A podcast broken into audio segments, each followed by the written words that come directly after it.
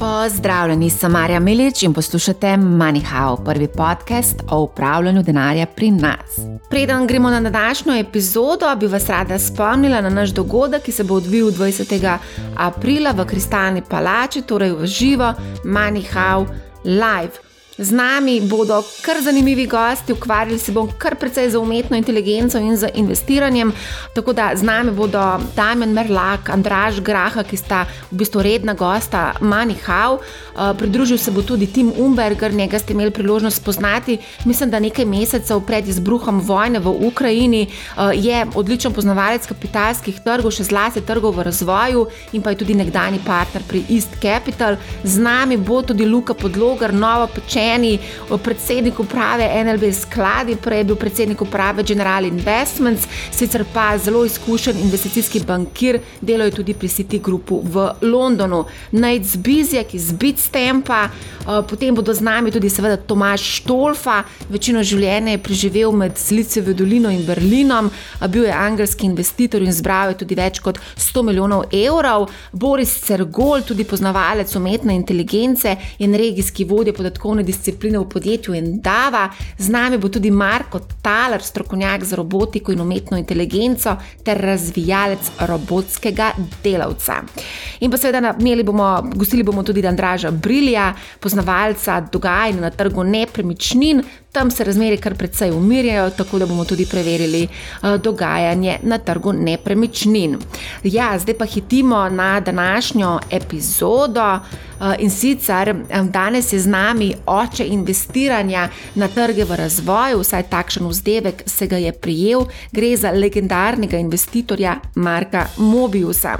Mark Mobius je star 86 let in pravi, da v njegovem besednjaku ni besede upokojitev. Mobius je aktivni investitor, torej zasleduje bolj aktivno strategijo investiranja, nekako zaslovel je kot direktor upravljanja naložb pri družbi Templeton in sicer se je skoncentriral oziroma osredotočil predvsem na emerging markets, torej na trge v razvoju. Na Templetonu pa je bil zaposlen več kot 30 let. V tem času je postal kar precej znan po svoji predanosti in pa seveda po znanju o o vlaganju na trge v razvoju. Uh, Mark Mobius uh, pravi, da je recept za uspeh razumevanje in poznavanje delovanja vodstva podjetja. Pravzaprav je Mobius znan tudi po tem, da je predvsej obiskoval oziroma je obiskal skoraj vsako podjetje, v katerega je vložil. Um, znan je tudi po tem, da zelo veliko potuje. Je tudi avtor številnih uspešnic v epizodi omenja in tudi seveda priporoča svojo knjigo The Inflation Myth and the Wonderful World of Inflation. Sicer pa je ena njegovih bolj znanih knjig tudi The Investor's Guide to, uh, Guide to Emerging Markets in Passport to Profits. Mobius je redni gost številnih medijev, kot sta CNBC in pa Bloomberg, pri reviji Time je bil tudi izbran za enega najvplivnejših ljudi na svetu. Mark Mobius je leta 2018 ustanovil tudi družbo Mobius Capital Partners, ki se osredotoča predvsem na naložbe v družbeno odgovorne in okoljske projekte v državah v razvoju. Uživajte v poslušanju. Hi, Mark. How are you? I'm excited to have you on our show. Thanks for joining. Thank you. It's a pleasure. Just for warming up before we dig into specific questions about investing, I know you travel a lot. When was the last time you visited Ljubljana? Oh boy, it's been uh, at least four years. Be, well, I'd say two years be, before COVID, so it's been quite a long time. What about uh, Croatia, Zagreb, maybe Belgrade? Again, no. No. Do you follow Slovenian or Croatian stock markets? They're one of the best performing in the world this year among Laos, Lebanon, Egypt, and Argentina. Uh, you're an expert on emerging markets. I know that. But do you also follow frontier markets? Of course, we do. We follow frontier markets. But uh, the problem with frontier markets, of course, is uh, the uh, turnover, the liquidity is something we need because we're running open ended funds. So when people want their money back, we have to be able to sell. Are you maybe invested in Slovenian or Croatian stock market? Uh, no, not yet, but I'll appreciate any ideas you have. We'd love to look at them. Yeah, the high dividend yield is also one of the reasons for investing in Slovenian stocks. Do you also invest in uh, high dividend yield stocks? Uh, yes, we do invest in high dividend yield stocks, but mainly we invest in companies that have very low debt or no debt and companies that have a high return on capital, good cash flow. Mm-hmm, great.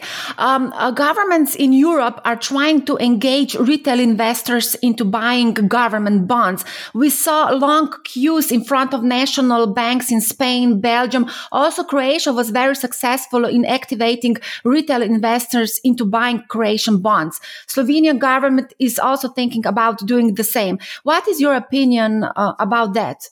Uh, well, you know, the bond market, you have to be very cautious about it in times of uh, rising interest rates. Because as you know, uh, if you've been reading about the failure of a bank in California, the reason is that they had bonds, long-term bonds, uh, which lose their value if interest rates go up. So, for example, if they had a, a five-year bond paying, let's say, 3%, and interest rates for the same bond today go to 5%, uh, their 3% bond loses value. And that's the reason why many of these banks are in trouble because they're sitting on these long term bonds and their balance sheets begin to look very bad. If they are forced to sell, they have to sell at a loss, uh, which is why the government stepped in and said, look, we'll uh, buy back at face value rather than at the discounted value. Um, just one more question about bonds. The Slovenian government is also thinking about issuing bonds in China and Japan just to diversify. Other European countries are also doing the same. What are the risks for countries uh, that decide to do so, especially in China? Well, in the case of China, as you know, China has been very eager to spread influence into other parts of the world. And so they're willing to buy bonds denominated in uh, renminbi, their own currency. Uh, I'm not sure what the uh, government uh, is planning to do, what kind of currency they want to plan to issue in, but the Chinese prefer to have renminbi bonds so that they can easily uh, print money and pay back. Uh, do you think is that good idea for country to do so? Yeah, I mean, if the yield is good and if the currency is stable, then it's a good idea. But you know, you're dealing with two things. One, you're dealing with interest rates, and two, you're dealing with currency. So, as you know, many of these currencies have been devaluing against mm-hmm. the dollar or against the euro, uh, which is sort of the benchmark. So that's a problem. But if you can use the currency and there's no devaluation, then it's it's fine. Now that you are talking about currency, the tension between East and West are in full swing.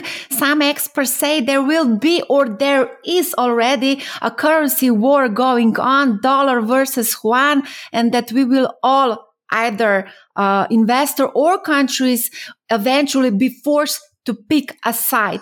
Can emerging markets form an alliance and unite against developed countries? And do you see maybe China becoming the leader of major uh, emerging economies?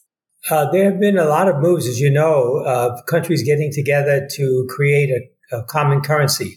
But uh, to do that creates lots of problems because you then have to decide who is going to be the agency uh, issuing this money and what will be the backing of the money. In other words, what will be the source of uh, strength of the currency. Mm-hmm.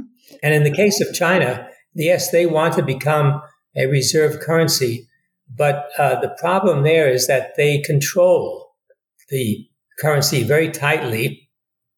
They're very careful about how the currency moves. Uh, so this presents a problem because if you have a, a, government that's controlling the currency to such an extent, uh, it can go against you if they decide not to support the currency. So uh, there are some problems. One of the reasons why the U.S. dollar is so uh, popular is because it's freely traded. Uh, you know, the the exchange rate will vary uh, freely, and that is a source of strength in some ways. Uh, but of course, that means that you have lots of volatility as well. As an experienced investor, how do you manage the currency risk when investing in emerging markets? Uh, we look at that very carefully. And what we do is we look at the foreign reserves of a country in which we've invested. So let's say if we're going to Croatia, and we're buying it in Croatian currency, I want to know what are the foreign reserves in Croatia and what are the restrictions on the exit of money from the country of foreign exchange. Because at the end of the day, we put money in, we want to be able to get it out in dollars. So uh, that's the thing we look at very, very carefully. So uh, one of the most important thing when uh, we are talking about investing is the uh, diversification. Are you fully invested in emerging market or is your portfolio globally diversified? It's really emerging markets, but globally diversified. So we're invested in uh, Taiwan, China. We're invested in Vietnam, in uh, Turkey. we're in India in a big way uh, in South Africa, in Brazil. So we're pretty well diversified. As I mentioned before we started recording, uh, MoneyHow is about uh, financial education. The question I often get from younger listeners is whether I remember the first stock I bought. Uh, you you have been on the stock market for several decades now. Do you remember the first stock you bought? Uh, how old were you? Who motivated you to invest? And which stock did you buy? I bought a stock when I was uh, earning my PhD at MIT, at Massachusetts Institute of Technology. I was doing a thesis on communication satellites. And at that time, the ComSat Corporation was being formed uh, by the US government, and it was listed on the New York Stock Exchange. So I bought stocks in that company and made some money. So that was the first time I was able to get a success. I also asked Jim Rogers the same question, and he couldn't remember the stock. um, as I mentioned before, you're a very experienced investor, and you probably seen it all. Uh, you chased bulls, bears, and witnessed many stock crashes and crises. What period in time throughout your engagement with the uh, capital market uh, would have the most resemblance to today? Well, you know, there in every uh, bull and bear process the uh, trends are the same. They look very, very similar. You get a panic and people sell. The market falls very rapidly. And then there's a slow recovery. Uh, so the bear market usually is short in duration, but it's very uh, severe. Uh, the bull market lasts longer. And so that's the reason why it's a good idea to be investing after everyone has sort of lost hope. When people are not not willing to go into the market, then that's a time for you to go in. So I remember John Templeton, my mentor, used to say to buy when others are despondently selling and to sell when others are greedily buying requires the greatest fortitude but pays the highest rewards. Uh, something similar Warren Buffett also said. yeah, that's right. I think he believes the same way. Yeah. Um, so, are you more bearish or bullish currently? I'm always bullish. I always are uh, looking at the bright side. And of course, when things are looking bad, that's the time when you really want to be investing uh, because uh, the market usually is weak and there are bargains to be had. So, uh, it's not a good idea to be pessimistic because if you look at the long term trends, the stock markets tend to rise and rise simply because the companies are adjusting to inflation. Mm-hmm. Are you more fan of uh, uh, active or more passive I- investment strategy? Active. Uh, the idea is to get to know companies, get to know the managements, and invest according to uh, the information you get, uh, the detailed information you get. Is active strategy more suitable for more experienced investors? You can be a new investor, eh, but if you do your homework, in other words, if you do your research, there's no reason why you can't be as successful as someone who's had long experience. Uh, but it's a good idea to emphasize the research side. In other words, make sure you try to understand the company, the management, and the, of course the financials. Throughout the uh, years, you also have caught quite a few nicknames, uh, like the father of emerging markets or the dean of emerging markets. Uh, times when you made the decision to invest in these markets were totally different. Can you share some lessons uh, you learned from past investments in emerging markets that have influenced your current investment approach? Well, I think the, uh, the key lesson I learned was that uh, after every bear market, there's a bull market. That, that's a very, very important thing. And the bear markets are very short in duration. So that's the number one lesson. The second lesson is that the financials are important, but probably more important are the people behind the company. In other words, who owns the company?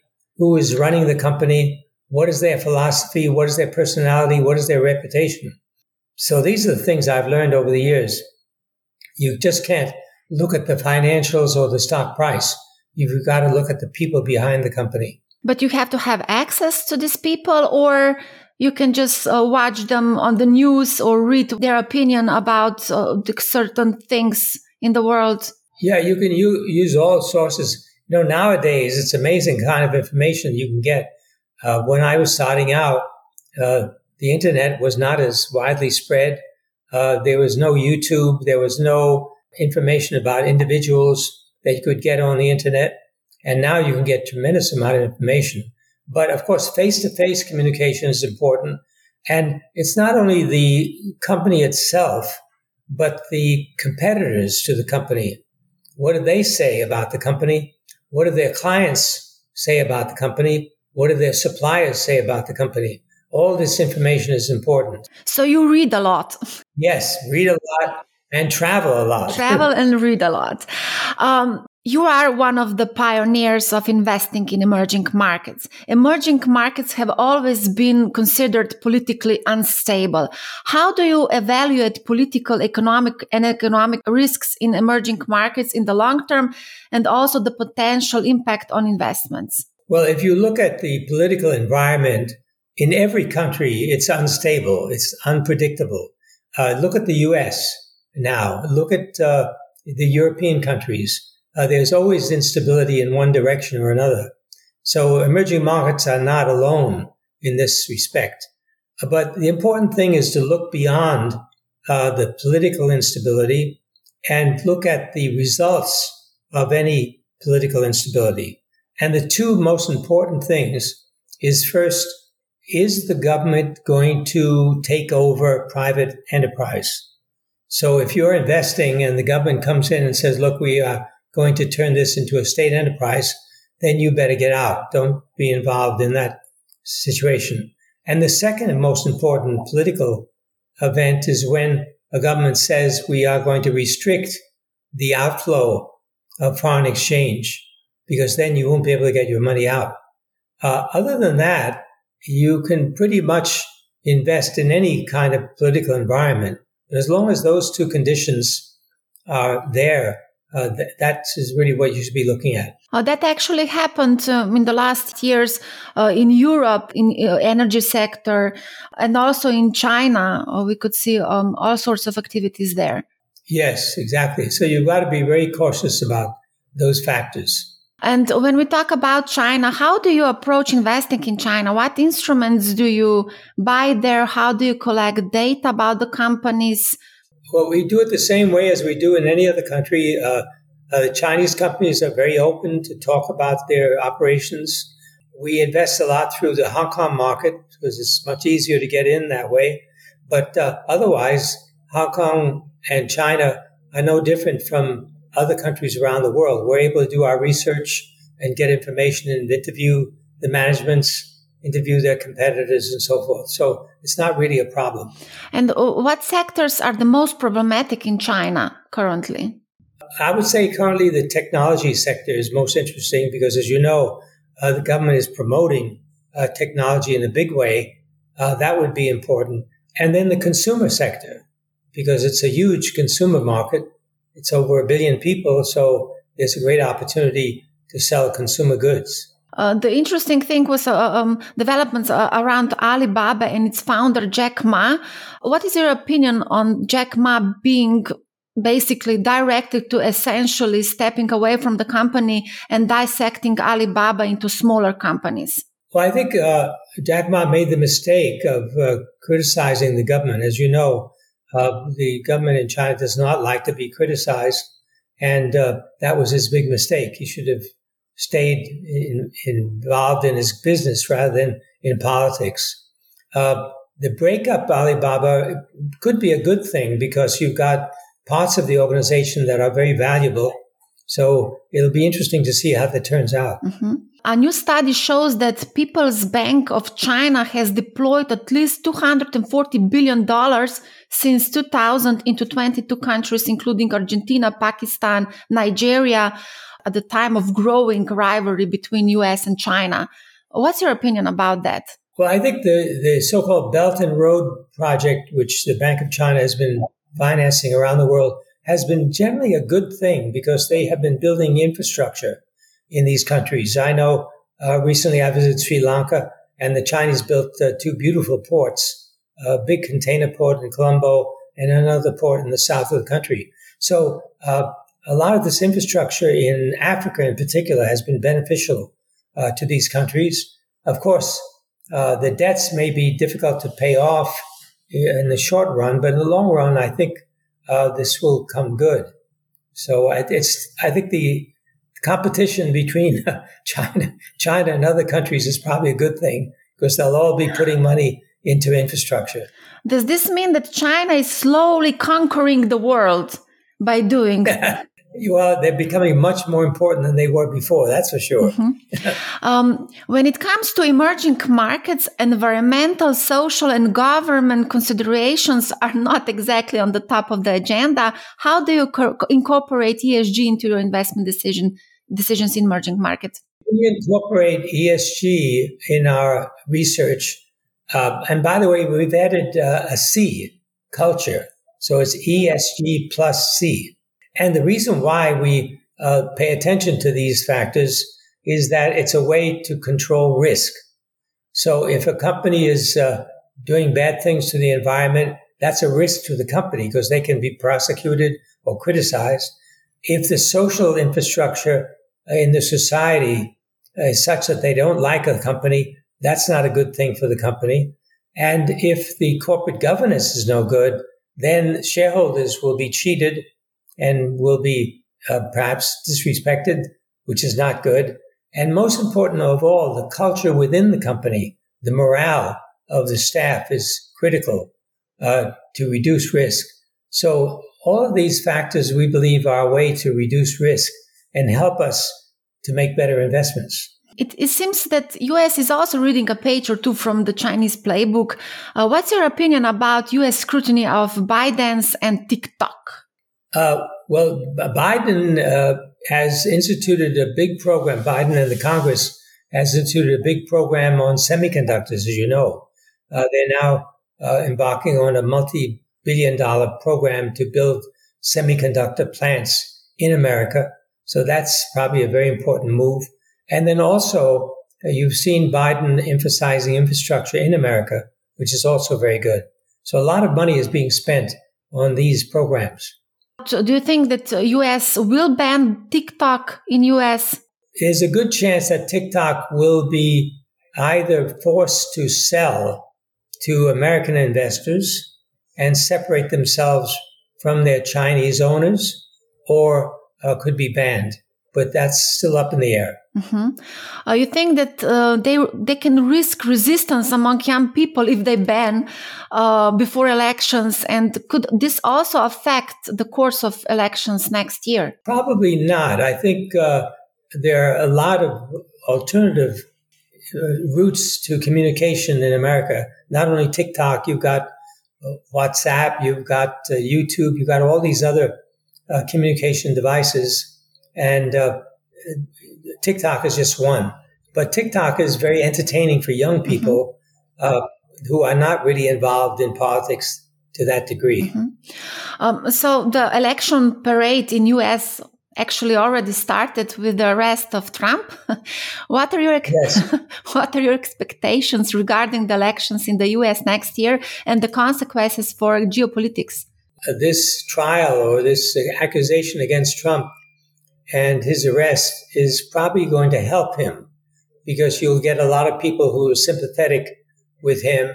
Uh, as you know, the charges against him are very weak and are politically motivated. So uh, this will, I think, elicit a lot of support for Trump. Mm-hmm. And the American elections also have an impact on the stock market. How should investors uh, take this into account when investing? I don't think they can do much about it. There's, whether it's a Democratic uh, candidate or Republican candidate, uh, it's not going to make that much difference, frankly. So uh, you're better off watching uh, what companies will be impacted by various programs.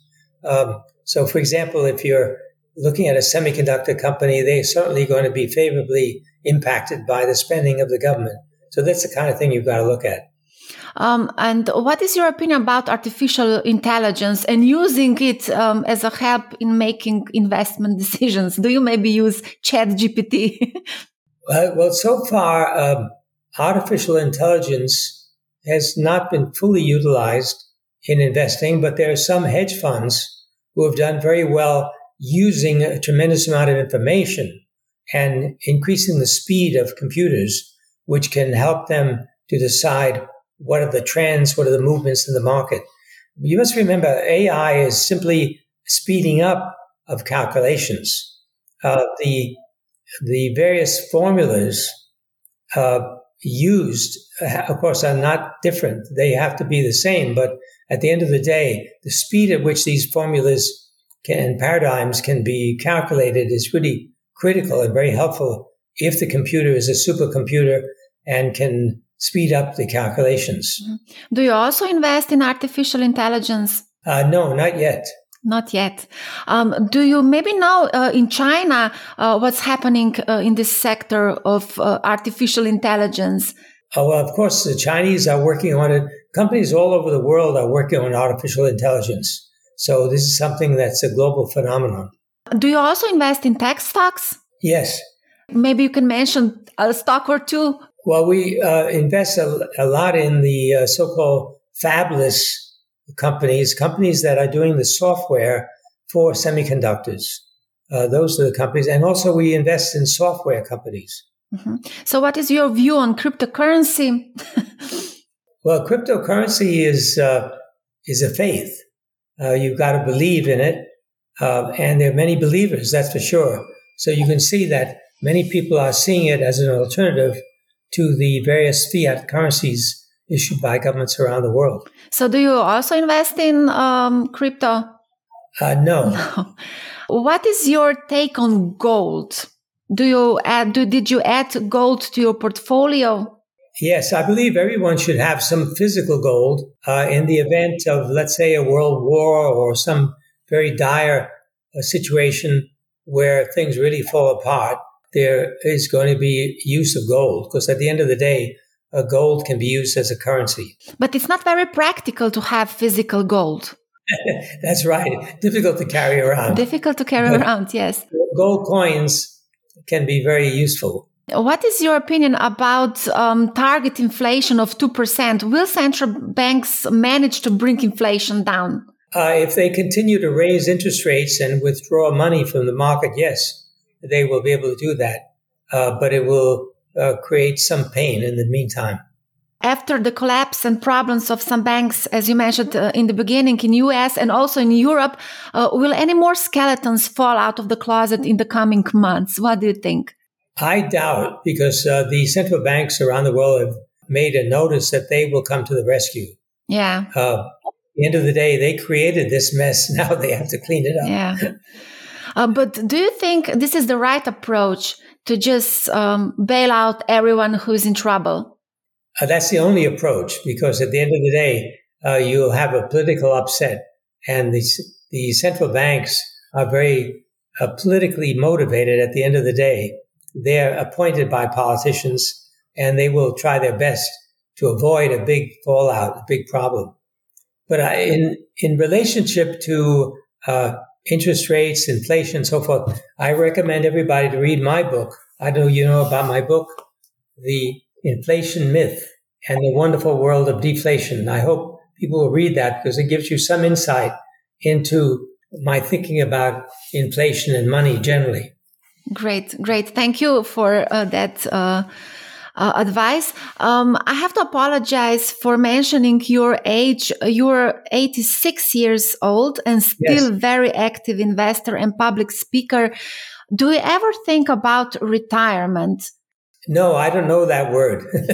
yeah, but it's very um, interesting thing that because the pension reforms are very problematic topic around the world. For example, the pension reform in France, people don't want to work after 60. Can you give them advice how to stay active uh, till 86 years? Yeah, I, I don't think people should uh, uh, give up work. They should continue to work, but they should continue to do what they like to do. In other words, they should do work in jobs that they enjoy.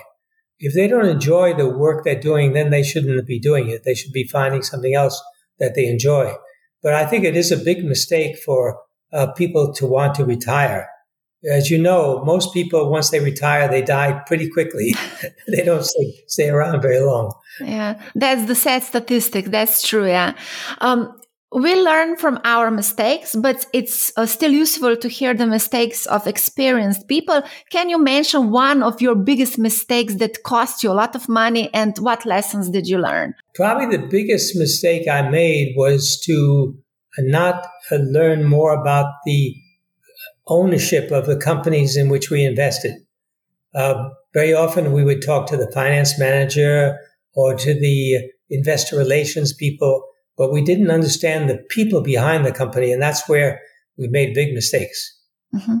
Uh, do you have any advice for our listeners and viewers about long term investments? How to invest for the next five years? Well, the first thing is uh, be globally diversified. In other words, don't put all your eggs in one basket. So if you're living in Croatia, yes, invest in Croatia, but also invest outside so you have a diversified portfolio because anything can happen in any country at any time. Uh, the second thing is take a view that is uh, longer term. In other words, don't react to the short term movements in the market because if you do that, you'll get caught up and you'll probably lose money. The third thing is uh, don't take the advice of other people. Uh, don't take my advice, don't take your advice. Take your own advice by researching and looking at things very, very carefully yourself and making your decisions. So, education is the key for success. That's right. And education doesn't mean that you have to go to school and get a bachelor's degree or master's degree or PhD. Uh, what you have to do is go out there and learn. There's so much information available now on the internet, in libraries, that people can educate themselves very easily. You just have to be motivated enough to do that. exactly. Thank you very much for your excellent advice. It was an honor to have you as a guest on our show. I wish you all the best and hope to, that you will sail through the volatile stock market smoothly. Thank you. Dragi poslušalci, poslušali ste Manihau. Ne pozabite, Manihau je z vami tudi 20. aprila. Eh, v živo eh, v Kristalni palači. Skratka, poslušajte Manihau, ne bo vam žal in lep pozdrav.